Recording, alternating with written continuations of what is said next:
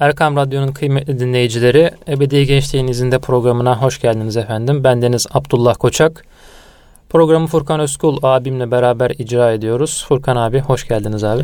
Hoş bulduk Abdullah kardeşim. Nasılsınız abi iyi misiniz? Hamdolsun.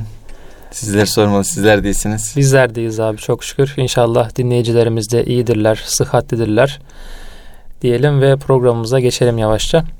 Abi geçen hafta yalnızlıktan ve bununla birlikte yalnızlığın getirdiği psikolojik biraz rahatsızlıklardan bahsetmeye çalıştık. Bu haftada onun belki zıttı olan bir kavramdan, sosyallikten ve işte ilişki kurmaktan vesaire bu tarz şeylerden bahsedelim istiyorum. Çünkü yalnızlıktan bahsettik ama işte biraz işte öneriler getirmeye çalıştık. Nasıl olur? Nasıl olmalı? İşte genç Müslüman bir genç nasıl sosyalleşmeli işte nasıl yalnız kalmamalı bunlardan biraz bahsetmiştik. Şimdi daha özel olarak sadece sosyallikten ve ilişkilerden biraz bahsedelim istiyorum. Abi yalnızlık deyince şimdi insan bazen arıyor dedik. inzivayı arıyor dedik geçen hafta. Ama şöyle bir şey yani toplumdan habersiz biri olmayacak Müslüman insan. İşte böyle bir ince denge var yani. Hem yaşadığı toplumun içinde eriyip giden biri olmaması gerekiyor. Hem de toplumdan habersiz biri olmaması gerekiyor. Yani bu sosyallik dengesini nasıl kurabilir Müslüman bir genç? Böyle başlayalım istersen. Ee, eyvallah Abdullah. Yani önemli bir mesele sosyallik meselesi. Artık sosyal bir dünyada yaşıyoruz. İçinde yaşadığımız dünya hem insani ilişkiler bağlamında hani yüz yüze diye tabir edebileceğimiz insani ilişkiler bağlamında hem de artık dijitalleşme boyutuyla tam anlamıyla bir sosyal enformasyon köyüne dönüşmüş durumda dünya. Sınırlar kalktı büyük oranda. Evet. Yani dünyanın çok farklı yerlerindeki insanlarla artık e, dolaysız iletişime geçebiliyoruz. Neticede telefonlar var, bilgisayarlar var, evet. e, işte genişletilmiş diyelim internet ağları var. E, dolayısıyla bundan 10 sene öncesine göre çok daha iyi bir konumdayız. 10 sene önce de diyelim 20 sene öncesine göre daha iyi bir konumdaydık. Her geçen zaman dilimi e, imkanları arttırıyor. Evet. E, yeni uygulamalar çıkıyor. İşlerimizi kolaylaştırıyor belli ölçüde. E, ama bir yönüyle dezavantaj diyebileceğimiz yükler de omuzlarımıza yüklüyor. Bu açıdan e, her zaman şunu söylüyoruz. İslam e, itidal dinidir. Evet. Kur'an-ı Kerim'de de buyurulduğu üzere hayrul umuri evsatuha yani işlerin en hayırlısı diyelim evet. orta yolda olandır. Dolayısıyla e, o orta yol e, çok önemli. Yalnızlığın da orta yolu çok önemli. Evet. Sosyalleşmenin de orta yolu çok önemli. İnsan sosyal bir varlık. Her zaman söylenir. Sosyal bilimlerin de diyelim ki temel kaidelerinden bir tanesidir. Yani insan bireysel bir varlık değildir. Tek başına bir hayat sürmez. Bir ailenin içerisine doğar. E, orada gelişir, büyür. Sokakla tanışır, orada arkadaşlar edinir. İşte okula gider, arkadaşlar edinir. Yeni insanlarla tanışır. Hayatın farklı merhalelerinde e, işte evlenir. Çoluğa çocuğa karışır, bir yuva kurar. Efendime söyleyeyim böyle beşikten mezara diye tabir edebileceğimiz bu kavramla e, insan aslında beşikten mezara sosyal bir varlık. Evet. Bunu e, kabul etmek gerekiyor. Reddedemeyeceğimiz bir hakikat diyelim daha doğrusu. Evet. E, tabii bunun da belli noktalarda e, efendime söyleyeyim getirileri oluyor az önce de söylediğim gibi. Yani insan hayatını kolaylaştırır sosyallik. Öyle değil mi? Biz bir çevrede yaşıyoruz, bir toplumda yaşıyoruz ve bir meseleye istidadımız var bizim. Bir alanda kendimizi yoğunlaştırıyoruz ve onu meslek haline getiriyoruz. Geçimimizi sağlıyoruz. Örneğin akademik çalışmalar diyelim, akademisyenlik diyelim veyahut da esnaflık diyelim. Evet. Bunun adına diyelim ki nakliyecilik diyelim. Ne dersek diyelim bir alanda çalışabiliyoruz. Ekstra hobilerimiz olabiliyor. Bu da hayatımızı zenginleştirmek için o içsel e, huzuru hissetmek için aradığımız uğraşlar. Tabii e, bir mesleğimiz var ve bu meslekle aslında biz kendimizin maaşetini e, temin ederken topluma da bir katma değer sunmuş oluyoruz. Yani bir esnaf, bir bakkal tabiri caizse kendi karnını, ailesinin karnını doyurmak için çalışıyor ama bir taraftan topluma da hizmet sunuyor öyle evet, değil mi? Evet. Dolayısıyla Herkes her şeyi yapamaz. Herkes bulunmuş olduğu toplumda elindeki imkanlarla pazara bir şey çıkarır ve toplum birbirini tamamlayan bir bütüne dönüşür. Yani bir bütün haline gelir.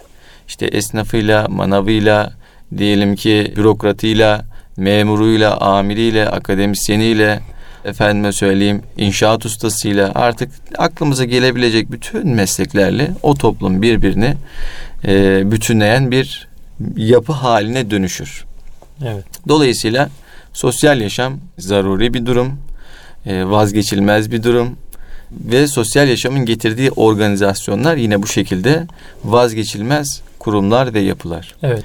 Bireysel manada bizler e, sosyallik deyince aslında çevreyle o ilişkileri anlıyoruz. Bunlar zaruri ilişkiler. Yani sosyalliğin zaruri ilişkileri. Buna neredeyse herkes e, bir yönüyle değiyor. Öyle değil mi? Evet. Yani çok yalnızım dediğinizde bile insanlardan uzak kalmak istiyorum, insanlarla görüşmek istemiyorum dediğinizde bile örneğin şehir içi ulaşım hatlarını kullanmak durumunda kalabiliyorsunuz. Evet. E markete gidip alışveriş yapıyorsunuz.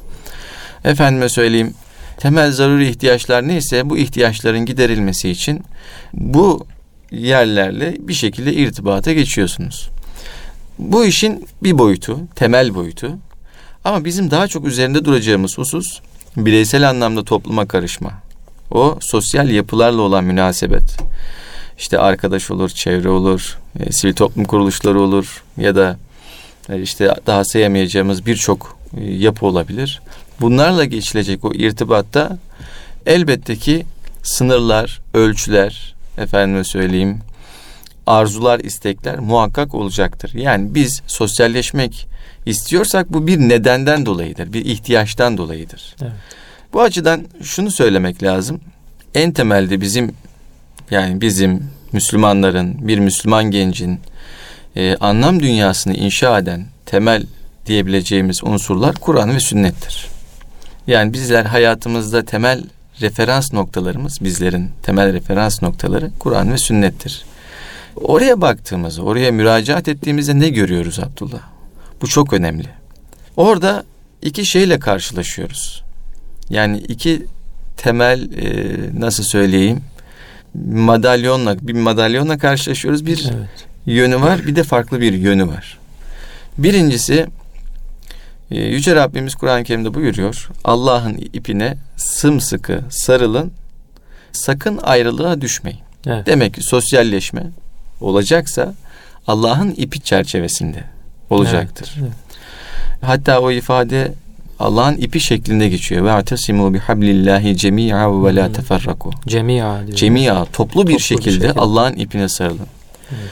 Müfessir alimlerimiz bu kavramın Allah'ın ipi kavramının Kur'an-ı Kerim olduğunu ifade buyurmuşlar. Bu açıdan Kur'an çerçevesinde bir hayat ile yani Allahu Teala'ya bağlanacağız. Bireysel anlamda bağlanacağız ama toplu halde de Evet. bağlanmak gibi bir durumumuz var. Ve dolayısıyla bir cemaat oluşmak durumunda, bir topluluk oluşmak durumunda, bir sosyalleşme oluşmak durumunda Evet. bir cemiyet oluşmak durumunda.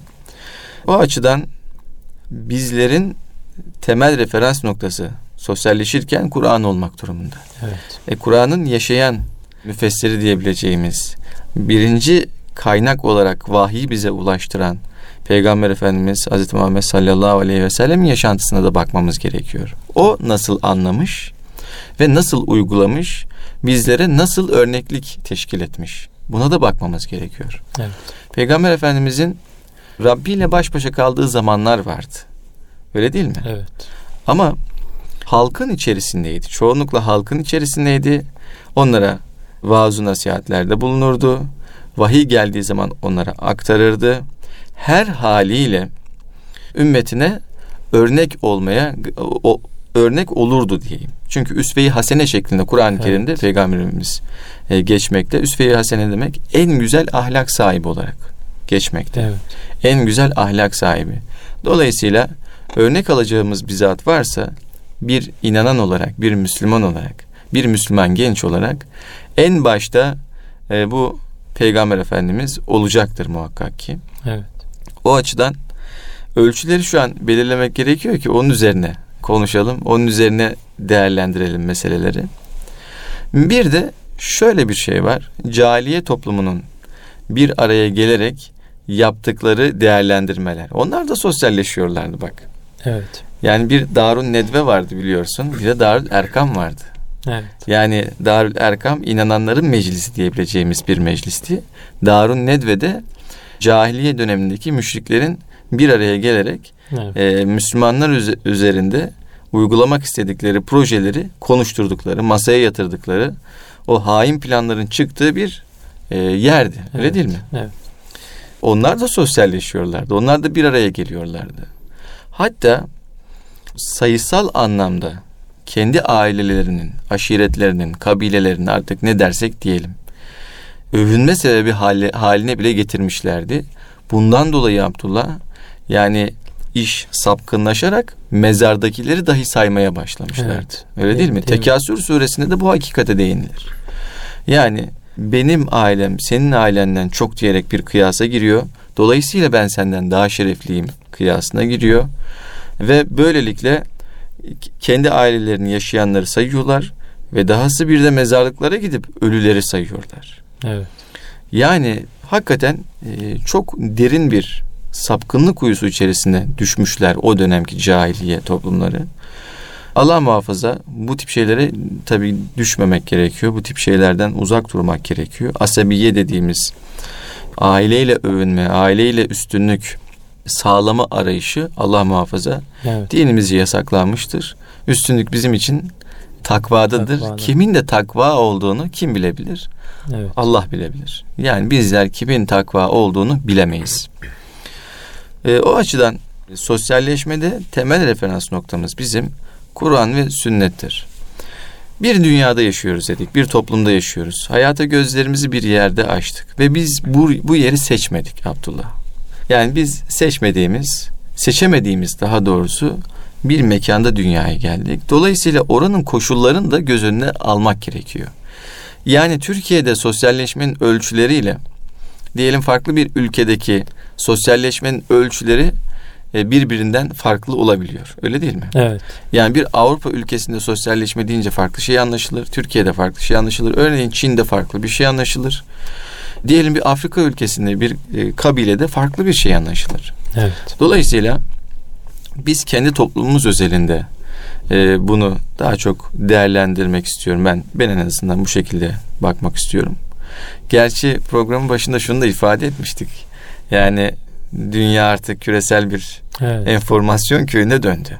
Evet. Yani sınırlar kalktı e, dedik ama e, illa tabii ki lokalin yani yerelin de e, etkileri hala güçlü bir şekilde devam ediyor. Şöyle bir şey biz zaten Türkiye'den ne kadar Türkiye'den ve Türk toplumundan bahsetsek de yani o bahsettiğimiz o işte küreselleşme sebebiyle global bir şeyden de bahsetmiş oluyoruz aslında.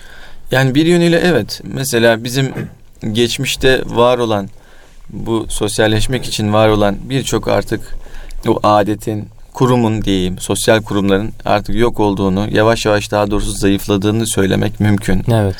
Maalesef. Yani mesela aile oturmaları vardı önceden Abdullah. Değil mi? Evet. Yani artık tabii pandemi süreci vesaire falan derken aile oturmaları falan çok çok sınırlı bir düzeye geldi. Yani yakın aile dostları birbirine gider gelirlerdi sık sık. Uzaktaysa da kişiler diyelim senenin belli zamanlarında e, o beldeye ziyarete gelmişlerse muhakkak uğrarlardı. Evet. Artık geldiklerini haber alıyoruz ama uğradıklarını göremiyoruz. Evet. Burada da onları kınamıyoruz. Çünkü biz de aynı şeyi yapabiliyoruz. Niçin? Çünkü şu an pandemi koşullarında yaşıyoruz. Efendime söyleyeyim. Ya insanlar çekiniyor, korkuyor. Bunu da anlayışla karşılıyoruz. Ama buna ciddi zarar verdiğini söylemek mümkün. Biz önceki yani yıllarda diyeyim e, henüz çocukken ve ilk gençlik dönemlerimizde e, arkadaşlarımızla şeyde buluşurduk. Cami bahçesinde bir araya gelirdik. Namaz kılardık. Namaz kıldıktan sonra caminin bahçesinde özellikle yatsı namazlarından sonra kimse olmazdı e, bahçede. İşte marketten e, birkaç şey alırdık. Yerdik, içerdik, sohbet eder, muhabbet ederdik. Cami merkezi bir hayatımız vardı bizim. Evet. Yani o çocukluk ve ilk gençlik zamanlarımdan bahsediyorum. Hı hı. Yani 15 yaşlarımın civarı diyeyim. 15'li yaşlarımdan. E, o dönemde böyle bir hayatımız vardı ama sonradan iş şeye dönmeye başladı. e, örneğin kafelere dönmeye başladı. Yani sosyalleşmenin merkezleri kafeler olmaya başladı. Evet. Daha ileriki önceki yaş gruplarımız mesela kıraathanelere, kahvelere giderlerdi Evet. mesela. Bir dönüşüm var ama sosyalleşme devam ediyor. Evet. Öyle değil mi? Dolayısıyla buradaki ölçü şu olması lazım. Biz bir araya geleceğimiz insanlarla temelde Allah'ın rızası için bir araya gelmeliyiz. Evet. Yani Allah'ın razı olacağı şekilde bir araya Evet, gelmeliyiz. Ve Allah'ın razı olacağı bir şekilde de o toplantıyı sona erdirmeliyiz. O sosyal ortamdan neticede ayrılacağız. Herkes ayrılacak. Evet. Onu da o şekilde sona erdirmeliyiz. Aksi halde o sosyalleşmenin bir manası olmayacaktır. Yani şöyle bir manası olmayacaktır. Bizi ulvi noktalara sevk edecek. O ebedi gençliğin izinde diyebileceğimiz adımları atarken bizi o gençliğe yaklaştırmayacak bir toplantıya dönüşecektir. Evet. Dolayısıyla burada temel e, referansımız Kur'an-ı Kerim'dir dedik. Bu bağlamda adımlar atarken de ona göre atmamız gerektiğini Evet. söyledik. Allah'ın rızasını gözetmemiz Allah'ın gerekiyor. rızasını en başta Evet. yalnız kalacaksak da Allah'ın rızasını gözetmeliyiz. Evet. Sosyalleşeceksek de Allah'ın rızasını gözetmeliyiz. Bu bağlamda iyi arkadaş seçimi çok önemli. Yani sosyalleşirken iyi arkadaşlarla sosyalleşmek lazım. Ahlakı düzgün olan, gayretli, samimi, e, efendime söyleyeyim, arkadaşlarla bir araya gelmek lazım. Onlarla e, vakit geçirmek lazım. Burada çok şu çok önemli Abdullah.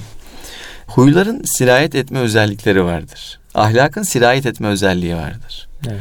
Kim baskın karakterse bir toplulukta e, o kimsenin ahlakı diğerlerine yavaş yavaş sirayet etmeye başlar. O açıdan çok dikkat etmek lazım. Yani ben bir ortama giriyorsam aman canım onlar ne yerse yesinler, ne içerse içsinler. Ben kendi yediğime içtiğime bakarım. Muhabbete dahil olurum diyebiliriz. Ama bir müddet sonra şunu göreceğiz. O ortamın rengini biz de almaya başlamışızdır. Evet. Anlatabiliyor muyum? İlk başlarda kötü gördüğümüz, kerih gördüğümüz şeyler yavaş yavaş bize normalleşmeye başlar. Normalleşen şeyler yavaş yavaş güzel gelmeye başlar. Abdullah bu da önemli bir nokta. Yani insan o sosyal topluluk içerisinde bir yönüyle bir seyir haline girmiş oluyor. Evet. Burası önemli. E, o seyirin de bizi nereye götüreceği bilinebilir. Nasıl bilinebilir? Arkadaşlarımız dolayısıyla bilinebilir. Evet. Hazreti Mevlana'ya atfedilen bir ifade vardır ya. Bana arkadaşını söyle, sana kim olduğunu söyleyeyim der. Dolayısıyla arkadaş çevresi sosyalleşmenin en temel basamaklarından bir tanesidir ve bu basamak insanın hayatını, bu dünyasını ve ahiretini etkileyecek kadar da önemlidir Abdullah. Evet. Burada o Allah rızasından bahsettik. Burada onu da söylemek istiyorum. Yani hayırlı arkadaş olması gerekiyor. O mecliste hayır konuşulması gerekiyor. İşte dediniz ya kötü bir şeyler olabilir işte kötü arkadaş, kötü etkileme. Onu işte bir şekilde düzeltmek gerekiyor. Yani arkadaş bazında da işte arkadaş ortamın bazında da bir noktada mutlaka düzeltmek gerekiyor. Yani İslam keyfe yasak koymaz. Yani insanın keyif alması bu dünyadan yasak değildir. Evet. Ama her yerde olduğu gibi orada da sınırlar vardır. Evet. Yani diyelim ki e, İslam ticareti yasaklamaz. Öyle değil mi? Özel Evet. mülkiyeti yasaklamaz. Ama Tabii. faizi yasaklar. İslam meşrubatı yasaklamaz. Yani çay içmeyi, çorba içmeyi, kahve içmeyi yasaklamaz. Su içmeyi yasaklamaz. Evet. Ama örnek veriyorum. Diyelim içkiyi yasaklar. Evet. Bunun gibi işte İslam evliliği yasaklamaz. Hatta teşvik eder Evet. ama zinayı yasaklar. Tabii. Şimdi dolayısıyla sınırlar var Abdullah. Bu sınırlara riayet etmek gerekiyor. İslam'ın meşru dairesi bütün keyiflere de Allah'ın izniyle nedir? Yeterli cevabı verecektir. Gençlik bir noktada heyecan arıyor. Aksiyon arıyor diyelim. Bu aksiyonda meşru çerçevede aslında çok fazlasıyla olduğunu söylemek de mümkün. Evet. İşte belli yönlendirmelerle belli insanların aslında kafa avcılıklarıyla diyeyim Evet. e, maalesef toplum içerisinde gençlerin yönlendirildiğini, olumsuz alışkanlıklara doğru çekildiğini görüyoruz. Bugün böyle basit bağımlılıkların diyeyim yaş seviyesi gitgide düşüyor. Yani Allah muhafaza bu bizim geleceğimizi tehdit eder bir e, durum haline de dönüşebilir. Evet. Bunların önüne geçmek için hayrın arttırılması gerekiyor. Güzelliklerin arttırılması gerekiyor. Ve gençlerin dilinden anlayacak e, aktivitelerin yapılması gerekiyor. Yani evet. gençlerin diline hitap edecek, anlayışına hitap edecek. Onların heyecan duygularını da tatmin edecek aktivitelerin yapılması gerekiyor. En başta bunu e, gencin kendisini talep etmesi lazım. Ailesini buna yönlendirmesi lazım. Yani güzel alışkanlıklar, keyif alabileceği hobiler, aktivitelere yönlendirmesi lazım. E, devletin bu noktada güzel imkanlar sunması gerekiyor ki aslında birçok yerde güzel imkanların olduğunu da görüyoruz. Evet. İşte yüzme havuzları var, sportif faaliyetler için e, alanlar mevcut. Evet. E, yine e, ilmi, entelektüel faaliyetler için. Kütüphaneler falan Türkiye'de yaygınlaşmaya başladı. Evet. Yani birçok yerde bunu görüyoruz. Küçükten büyüğe kadar herkese hitap edebilecek şekilde kütüphaneler mevcut. Yani ilkokul, lise örnek veriyorum dönemine hitap edebilecek. Üniversite işte e, lisansüstü eğitim için her kesimden insanlara hitap edebilecek ortamlar, kütüphaneler, e, lokaller mevcut. Evet. Daha da artması gerekiyor. Bunu da belirtmek istiyorum. Daha da yaygınlaşması lazım. Bu tip sosyalleşilebilecek alanların daha da artması gerekiyor. Ama şimdiden de e, güzel gelişmeler söz konusu. Bunların değerlendirilmesi gerekiyor. O açıdan Abdullah e, sosyalleşmenin ölçüsünden bahsettik. Bir evet. genç için gencin de arayış içinde olması lazım. Yani evet. ben hayırlı bir çevreyle irtibata geçmek istiyorum demesi gerekiyor. Evet. Efendime söyleyeyim güzel bir çevreyle harekete geçmek geçmek istiyorum demesi gerekiyor. Maalesef basit meseleler, basit zevkler, e, bir anlık heyecanlar e, sonu işte dönüşsüz diyelim Evet. Yani geri dönüşsüz bir takım çıkmazlara insanları sürükleyebiliyor. O gençlik heyecanının bu tip fitnelerinden, afetlerinden korunmak lazım Abdullah. Evet inşallah ikinci bölümde bu heyecan nasıl yönlendirilebilir bunlardan bahsedelim.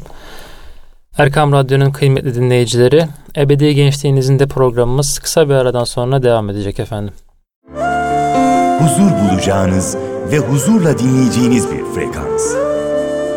Erkam Radyo, Kalbin Sesi. Erkam Radyo'nun kıymetli dinleyicileri, Ebedi Gençliğinizin de programımız kaldığı yerden devam ediyor. Efendim yalnızlığı konuşmuştuk geçen hafta. Bu hafta ise sosyallikten ve çevre edinmekten, işte arkadaş ortamlarının nasıl olması gerektiğinden, iyi arkadaştan, hayırlı arkadaştan bahsediyoruz. Şimdi abi ilk bölümde biraz işte o arkadaş ortamlarından bahsettik. Nasıl olması gerektiğinden. işte biraz dengelerden bahsetmeye çalıştık. Şimdi Peygamber Efendimizin şöyle bir hadis-i şerifi vardı. İlk bölümün sonunda işte buna biraz giriş yapmış olduk. İnsan bir kötülüğü gördüğünde işte gücü yetiyorsa eliyle, yetmiyorsa işte diliyle onu düzeltmeye çalışsın. Ona da gücü yetmiyorsa kalbiyle buğz etsin. Minvalinde bir hadis-i şerif. Yani abi toplumu bir şekilde aslında hayra yönlendirmek gerekiyor. Şimdi sosyallik deyince sadece çevre edinmek anlaşılmaması lazım. O toplumu bir şekilde düzeltmek de bir, şey, bir nevi sosyalleşmektir. Hı hı. Yani güzelleştirmek. İşte Üsve-i Hasene dedik ya yani en güzel örnek. Peygamberimiz bulunduğu cahiliye toplumunu en güzel bir topluluk olan işte o ashab-ı kiram toplumuna asr-ı saadet e, zamanına dönüştürdü. Yani bizim de örneğimiz o olduğu için sanırım böyle hayra teşvik, işte hayırlı arkadaş edinme, hayırlı insan olma yolunda adımlar atmamız gerekiyor diye düşünüyorum. Yani insan işte dinini koruyor, koruması lazım. Korurken de yayıyor, yayması lazım. Yani sosyalleşmek aslında bir nevi buna da dalalet ediyor. Yani abi burada şöyle bir soru aklıma geliyor. Şimdi biz genciz, dinleyenlerimiz genç. İşte yaşını almış gitmişler de var belki. Bu genç kardeşlerimiz kendini biraz toplumda globalleşen dünya dedik ama Türk toplumunda biraz geri planda hissediyor.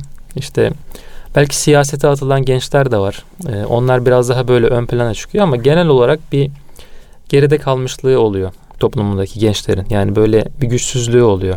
Yaşlıların işte kadim gelenekten dolayı biraz e, bir geride kalmışlığı oluyor diyelim. Yani bir genç kendini bu toplumu yönlendirme, toplumu hayra teşvik etme yönünde neler yapabilir? Bunlardan biraz bahsedelim inşallah.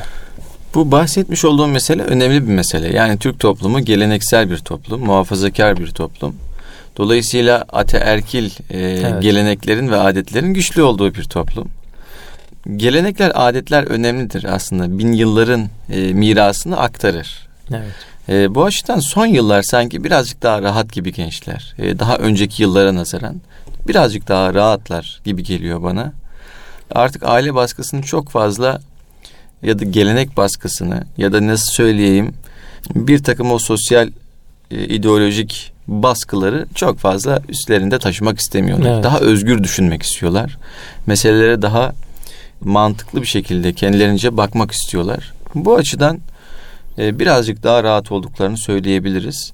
E, ama tabii Türk toplumu muhafazakar bir toplum.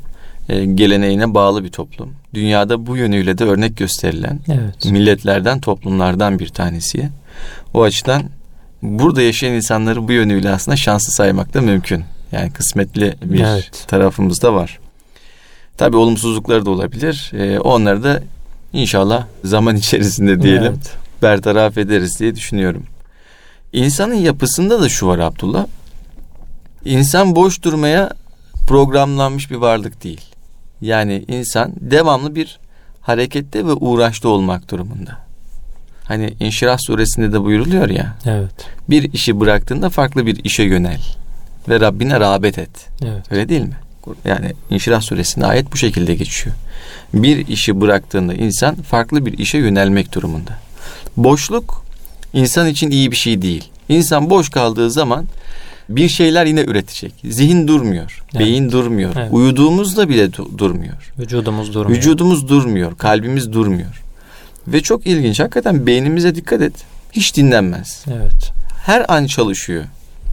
Her an bize çeşitli böyle uğraşlarla ilgili veriler depoluyor, veriler sunuyor.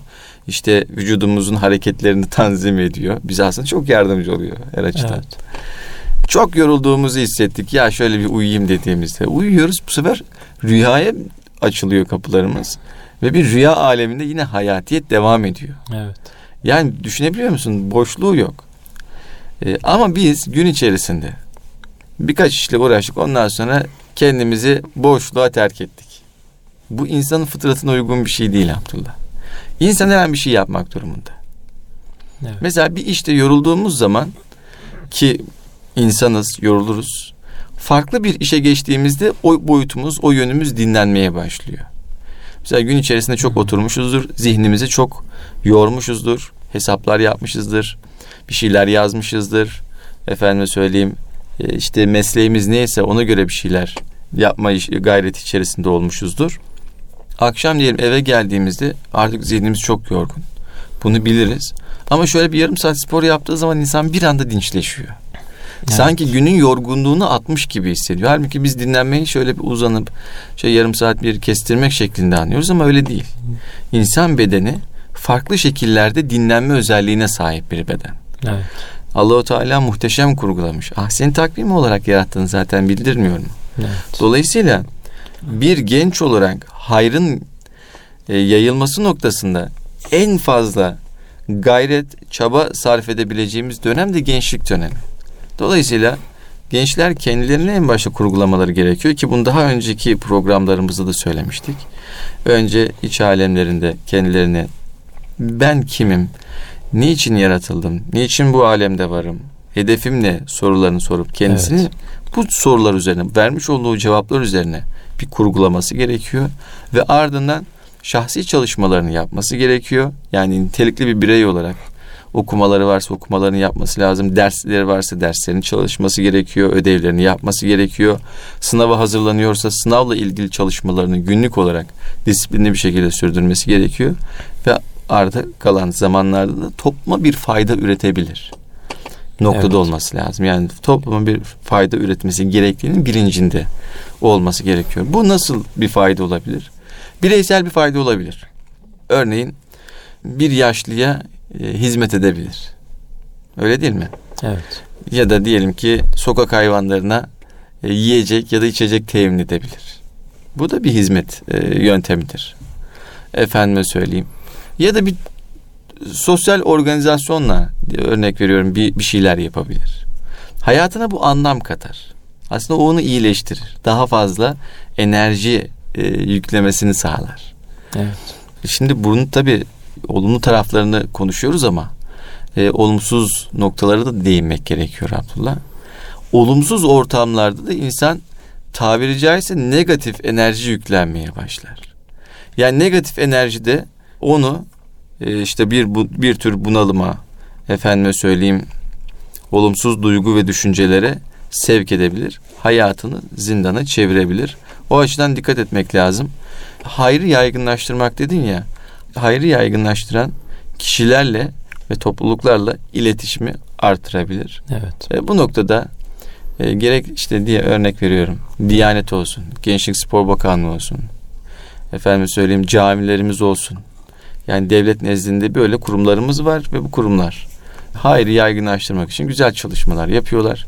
Buraların aktiviteleriyle e, onlar da katkı sunabilirler. Yine birçok STK var. Evet. Abdullah. Yani birçok STK var. Bu STK'larla da hayrın yaygınlaştırılması ve nitelikli bir sosyalleşme için adımlar atılabilir. Bu önemli bir mesele. Hakikaten üzerinde durulması, müstakil bir ders yapılması gereken bir mesele. İnsanın yapısı, yani insanın Evet. nasıl olduğu ile ilgili. E, neticede biz hani boş vakit kavramı kullanırız ya boş vaktinde neler yaparsın diye. Evet. Boş vaktinde kitap okurum derdik öncelerden. Yani kitap boş vakitte okunacak bir şey değil derlerdi daha büyük abilerimiz. Abi düşünürdük hakikaten ya kitap okumak. Boş vakit. Evet. Nasıl ya? Boş vakit ne demek oluyor demeye başladık. Kitap okumak ne demek demeye başladık derken bir okumayı anlamlandırma çabamız oldu. Ee, okumak çok önemli bir şey. Okumak insanı farklı dünyalara açıyor. Farklı dünyaların zenginlikleriyle buluşmasını sağlıyor. O açıdan belki sosyalleşirken okumaya da değinmek lazım.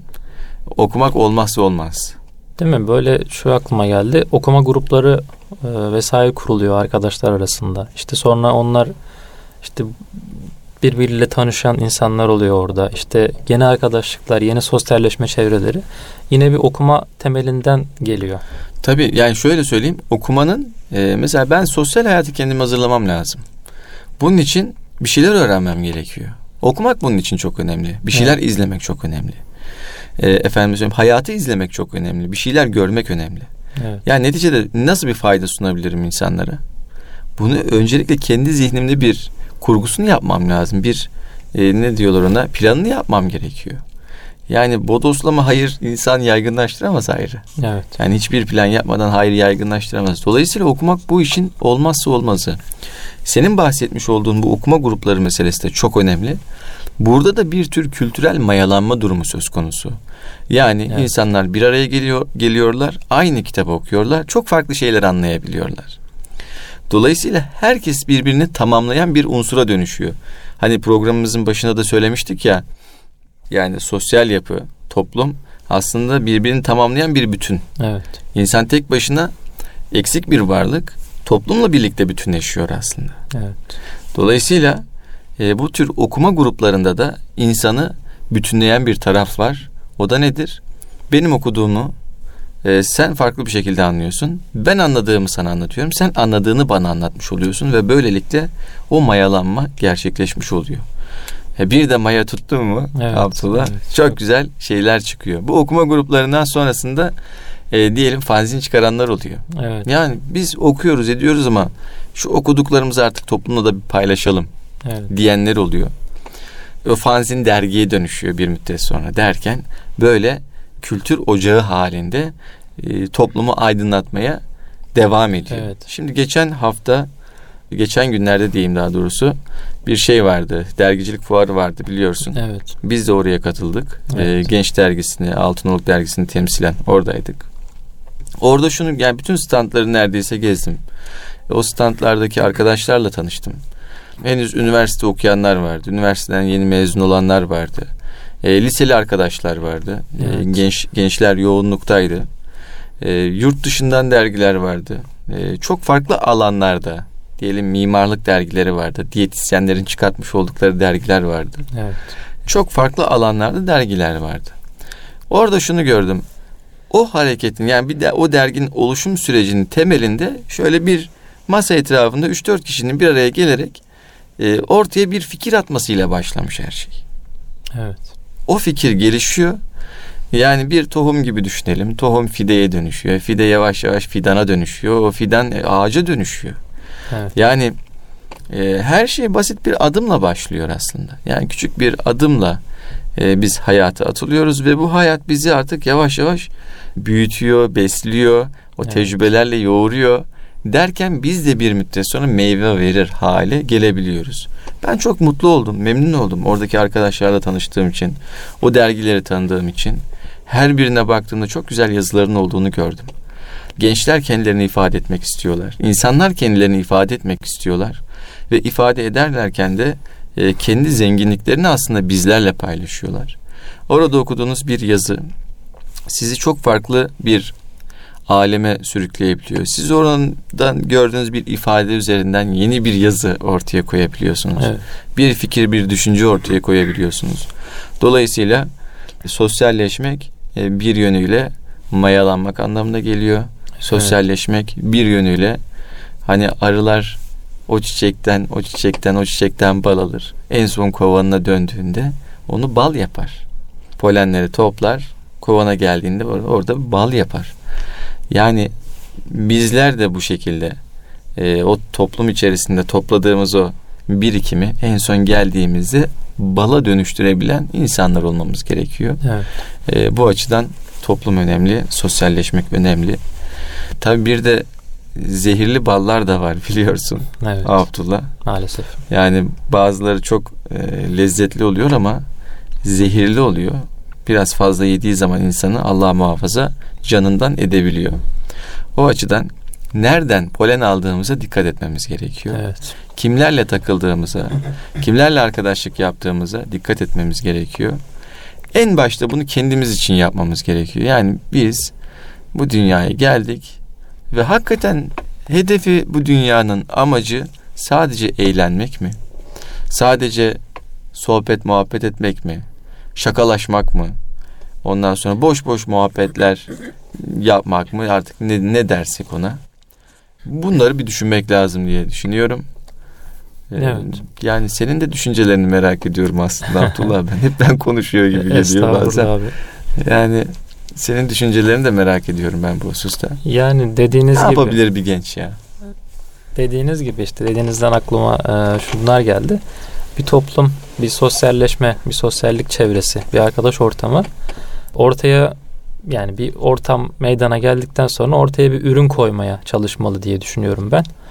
Yani işte bu dergi olur, işte bir blog sitesi olur, şimdi işte videolar var, YouTube var, ses kaydı var vesaire işte medya olmasın hadi. Yani bir grup kuralım işte e, lokal işte şey daha yerel bir şekilde bir okuma grubu oluşturalım işte etrafımızdaki gençlerle ilgilenelim. Benim öyle arkadaşlarım da vardı. Hatta bir arkadaşım var Şişli'de işte böyle mülteci kardeşlere böyle ders veriyor. İşte ilkokul derslerini veriyor, matematik dersi veriyor. İşte arkadaşı var. O işte Türkçe dersi veriyor. İşte bir başka arkadaşı işte ailesiyle ilgileniyor. Onun işte maddi manevi durumlarıyla vesaire. Yani böyle topluma bir şekilde bir hayır kazandırmaya çalışıyorlar. Sonra işte bu arkadaşlar bir araya geldiler, bir dernek kurdular. İşte bu dernek çerçevesinde bu faaliyetleri yürütmeye başladılar. Dernek olunca tabii işte okuma grubu dedik ya işte okuma grubu sonra derneğe dönüşüyor. İşte dönüştüğü zamanlar oluyor. Dernek olunca resmi bir şekilde belediyeye gidiyorsun. Biz şu derneğiz işte. Sana yardımcı oluyorlar. İşte veya bakanlığın ilgili kurumuna yazıyorsun. Onlar sana yardımcı oluyorlar. Topluma hayırlı olmaya çalışınca insan ona bir şekilde yani Allah yardım ediyor diyelim. Eyvallah. Yani bunu işte devlet eliyle oluyor. işte belediye eliyle oluyor. Ama bir şekilde Allah yardım ediyor. Görüyoruz yani Allah hayır işlemeye çalışan insanın her zaman yanında oluyor diye düşünüyorum ben. Bu sosyallik, sosyalleşme hayırlı olunca işte hayra teşvik için olunca, hayırlı insanların e, hayır için bir araya gelmesiyle olunca hakikaten e, Allah rızasına da uygun oluyor inşallah diyelim. İnşallah. Bu Yani. da en önemli zaten gayemiz değil mi hayattaki? Evet. Yani Allah'ın rızasını kazanmak. En büyük gayemiz. Evet, evet. O açıdan bu gençlik zamanlarında e, güzel işlerle, güzel faaliyetlerle, Tabii heyecan ve aksiyon da olsun yani Abdullah. Onu da Evet. ihmal etmemek lazım. Neticede tad almak gerekiyor hayattan. Hani içinde bulunduğumuz, yaptığımız faaliyetlerden lezzet almamız lazım. Evet.